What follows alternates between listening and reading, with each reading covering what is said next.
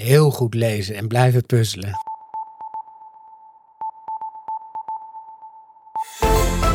Van harte welkom en leuk dat je luistert naar deze podcastserie met als de titel Thuis in de Omgevingswet. Mijn naam is Evelien Bauma en vandaag gaan we het hebben over vergunningvrij bouwen. En dit keer gaan we in gesprek met Kevin Timmer en Rens Snel, beide advocaten voor TRIP. En jullie werken veel voor overheden in de bestuursrechtpraktijk met de nadruk op omgevingsrecht. Dankjewel. Dankjewel. Leuk dat jullie er zijn. Um, ja, onze, de eerste aflevering ging over bouwen. Nu gaan we het over vergunningvrij bouwen hebben.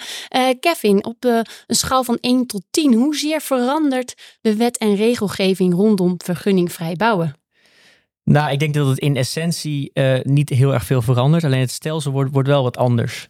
Hè, dus het, het, komt op andere plekken te staan. Er wordt een, een, een knip aangebracht tussen uh, enerzijds de omgevingsplanactiviteit en anderzijds de technische bouwactiviteit. Hè. Dus volgens mij in aflevering 1 ook al even over uh, gegaan. Dus het stelsel wordt iets anders. Dus je moet wel even weten uh, waar precies de dingen staan. Dus daar gaan wij de luisteraar vandaag even in meenemen. Ja, heel fijn. Rens, wat vind jij van die ontwikkeling? Dat vind ik een gewetensvraag. Um, ik, wij werken natuurlijk al heel lang, sinds 2010, met de WABO. En dat beviel ons eigenlijk uitstekend. En um, ja, vele dingen blijven hetzelfde, maar het systeem wordt zodanig omvergegooid dat het gewoon, zeker in het begin, een enorme puzzel is. En het is intellectueel, uh, vanuit het perspectief van de, van de, van de wetenschap, een supermooi uh, gemaakt, in elkaar genaaid, gehecht uh, systeem geworden. Maar het is wel even een zoekplaatje. Dus dat is, dat is ik heb er dubbele gevoelens over. Ja, ja, snappen we ook. Tegelijkertijd helpen jullie onze luisteraars, ambtenaren van provincies, gemeenten, om uh, nou ja, eigenlijk die puzzel um, wat helder voor de bril te krijgen. Dus ik denk dat dat ook hartstikke mooi is. Jullie zijn al een tijdje jullie zelf in aan het scholen en nu is het tijd om die kennis te delen, kan ik zo maar zeggen. Hè? Wat gaan we doen vandaag? Nou, ik zei het al, vergunningvrij bouwen. We gaan eigenlijk eerst even kijken naar de situatie voor invoering van de omgevingswet. En dan gaan we naar de situatie na invoering van de omgevingswet. En laten we daar meteen maar mee beginnen. Uh, voordat de omgevingswet uh, ingevoerd wordt, dus dat is nog in 2023. Hè, hij wordt ingevoerd als alles goed en wel doorgaat 1 januari 2024. Um, ja, Kevin, ik wil een dakkabel bouwen. Um, hoe gaat dat nu in zijn werk? Ja, nu is het zo dat eigenlijk alle bouwwerken als uitgangspunt vergunning plichtig zijn. Hè? Dus alles wat je wil bouwen, een bouwwerk van, van enige omvang, daarvoor geldt dat daar een vergunningplicht voor geldt op grond van de uh, WABO, de Wet Algemene Bepalingen Omgevingsrecht. Um, tenzij er eigenlijk bepaalde uitzonderingen zijn die we nu kennen in het uh, besluit omgevingsrecht. In bijlage 2 van het besluit omgevingsrecht, daar heb je zowel artikel 2 als artikel 3 van, dat, uh, van die bijlage van dat besluit. En daarin staat eigenlijk in welke gevallen of voor welke gevallen die vergunningplicht niet geldt. Hè, dus nu is het zo dat um, als een aanvraag binnenkomt voor een vergunning, hè, voor, voor een bepaalde activiteit, dan is dat vergunningplichtig als dat een bouwwerk is. En dan gaan ambtenaren kijken of er mogelijk een uitzondering op die vergunningplicht is in een van die artikelen in bijlage 2 bij het besluitomgevingsrecht. Ja, dat is nu zo. Dat is nu zo. Ja. Oké, hebben we dan alles bij de hand wat er nu nog speelt, het huidige recht? Nou, wat even relevant om te vertellen is dat we enerzijds artikel 2 hebben. En daarvoor geldt dat als er een activiteit is die in die lijst wordt aangewezen, dat er dan geen vergunning nodig is voor zowel het bouwen als voor eventueel strijdig gebruik met het bestemmingsplan. He, dus dat is dan hoef je verder ook niet verder te kijken naar het bestemmingsplan wat daarin staat. Als er een activiteit is aangewezen in die lijst, ja, dan is er gewoon geen vergunning nodig, niet voor het bouwen en ook niet voor het strijdig gebruik. Nee, en dat, dat is uitgangspunt voor artikel 2 van bijlage 2 van, van het BOR. Ja. En een relevant verschil is er met artikel 3 van bijlage 2 van het BOR. Als een geval is aangewezen in dat artikel, dan geldt dat er alleen geen vergunning nodig is voor de activiteit bouwen. dan moet je vervolgens nog wel gaan kijken in het bestemmingsplan strookt de activiteit die ik wil gaan verrichten, strookt dat met de bepalingen die in het bestemmingsplan zijn genoemd. Ja, juist. Dus dat is de huidige situatie, nu nog 2023. Um, dat kennen we denk ik ook allemaal wel, grotendeels. Uh, Rens, dan gaan we naar uh, het moment wanneer de wet zijn intrede doet. Uh, ik wil nog steeds datzelfde dakkapel plaatsen. Wat is er nodig? Wat gaat er veranderen? Ja, eigenlijk zoals we in de inleiding al even zeiden, in feite inhoudelijk verandert er misschien niet helemaal erg veel. Alleen de plek waar je het wil vinden, is helemaal anders geregeld. En het is ook systematisch anders aangevlogen. Zoals Kevin net zei, nu is eigenlijk iedere activiteit is bouwvergunningplichtig. En ehm, dan moet je dus, eh, of je nou verbouwt, of je iets groots bouwt, of het een hekje is, of het een schuur is, alles, daar heb je in principe een vergunning voor nodig. En als je dan zo'n vergunning kijkt, moet je wel kijken, zowel kijken naar de vraag, is het, past het binnen het uh, technische verhaal, als past het binnen het ruimtelijke verhaal. Dat is eigenlijk aan elkaar gekoppeld. In het nieuwe systeem, dat is heel belangrijk, is er eigenlijk een knip. Een knip tussen enerzijds het technische deel van het bouwen, zeg maar de toetsing aan het bouwbesluit, en anderzijds de toetsing aan zeg maar, de ruimtelijke aspecten. In het ene geval heet het een omgevingsvergunning voor een omgevingsplanactiviteit. En in het andere geval is het technisch bouwen. En die knip die vertaalt zich eigenlijk door ook naar, naar de manier hoe we dat dan vervolgens, waar je dan vindt of het bouwvergunning plichtig is. Dus je moet niet kijken naar bouwen als as such, maar je moet kijken naar is het een omgevingsplanactiviteit of is het een technische bouwactiviteit. Dat is het beide. En dat zijn twee verschillende beoordelings, twee verschillende stappen die je moet nemen. Ja, had je eerder één, één plek, heb je nu twee plekken waar je uh, te raden moet gaan eigenlijk. Precies, en het, en het werkt even net anders, want de omgevingsplanactiviteit, die is eigenlijk altijd, dus de ruimtelijke aspecten van het bouwen, die is eigenlijk altijd automatisch nu, dankzij het um, is vergunningplichtig. En vervolgens moet je daar naar uitzondering op die vergunningplicht kijken. Terwijl technisch bouwen precies andersom is. Dat is in principe niet vergunningplichtig, tenzij het wel wordt aangewezen uh, op een lijst. En waar die lijsten staan, uh, nou, dat, dat kunnen we zo even op ingaan, hè, maar dat zijn dus andere lijsten. Dus kijk je naar die dakkapel, dan moet je enerzijds kijken naar de landelijke lijst die in het BBL staat. En anderzijds moet je kijken naar de lijst die in het bruidschat staat. En die twee dingen samen beantwoorden dan de vraag of je een vergunning nodig hebt. Ja, nou hebben we het over de bruidschat en de luisteraar die denkt, waar hebben we het over? Uh, Kevin, wat bedoelen we met de bruidschat? We hebben hier ook nog een, eh, straks een aflevering wijden we helemaal aan die bruidschat, maar kun jij hem kort toelichten? Nou, de, de bruidschat is eigenlijk een, een set met algemene rijksregels, hè, regels die, die op dit moment op rijksniveau gelden, die op het moment dat de omgevingswet in werking treedt, eigenlijk van rechtswegen direct onderdeel worden van het omgevingsplan. Het tijdelijke deel van het omgevingsplan. En de wetgever heeft dat gedaan om te voorkomen dat er eigenlijk een soort van vacuüm, een soort van rechtsvacuüm ontstaat.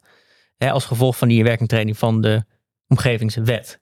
Ja. Hè, dus de buitenschat, ja, daar, daar, kan van alles over worden gezegd. Dat gaan we ook nog doen in een aparte aflevering. Je, je zei het al even.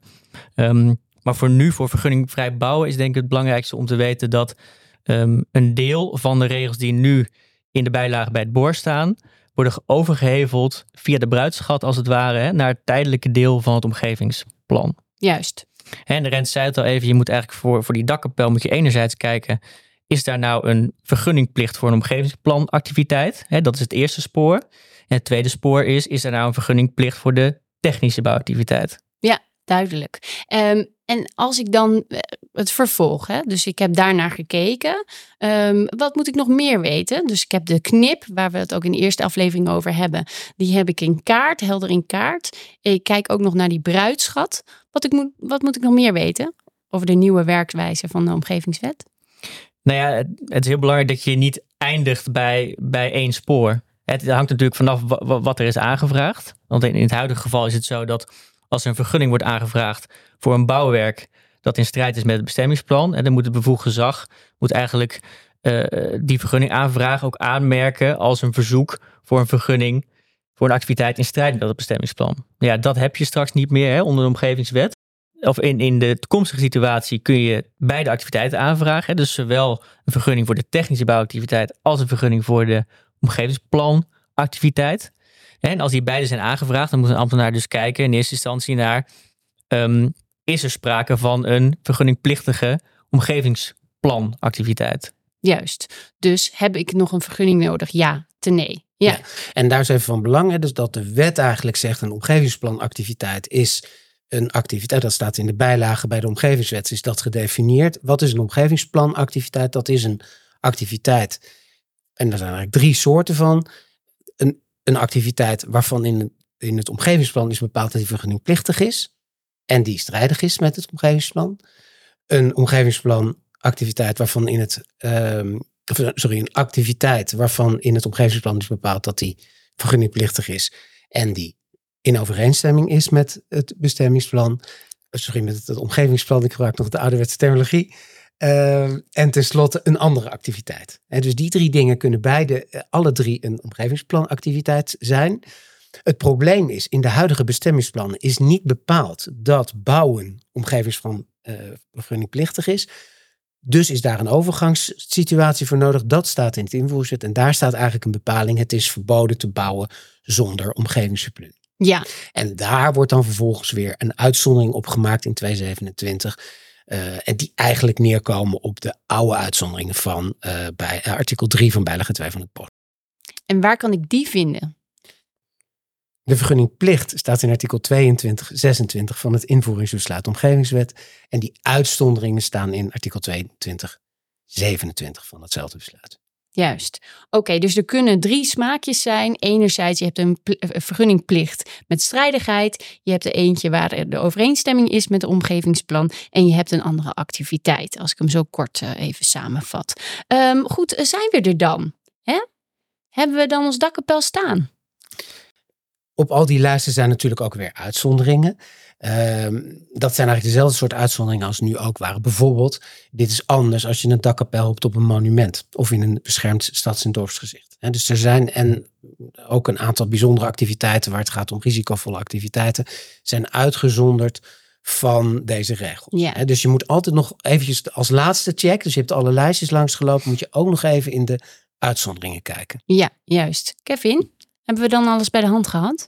Nou ja, ik, ik, denk dat dit in essentie wel het stelsel is zoals het uh, zal zijn straks onder de omgevingswet. Je hebt natuurlijk uh, diverse nuances en uitbreidingen en uitzonderingen, wat Rens ook al zegt, op, uh, op de verschillende um, artikelen en activiteiten.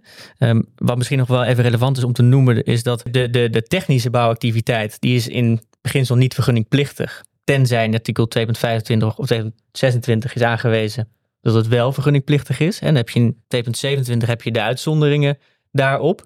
Dus als het in 2.27 staat, dan is het weer niet vergunningplichtig. En belangrijke uitzondering in 2.27 is het stelsel kwaliteitsborging. Het verwijst weer terug naar artikel 2.17 van, uh, van datzelfde uh, besluit. Daar kunnen we denk ik, en daar gaan we denk ik ook nog wel een afzonderlijke podcast aan wijden.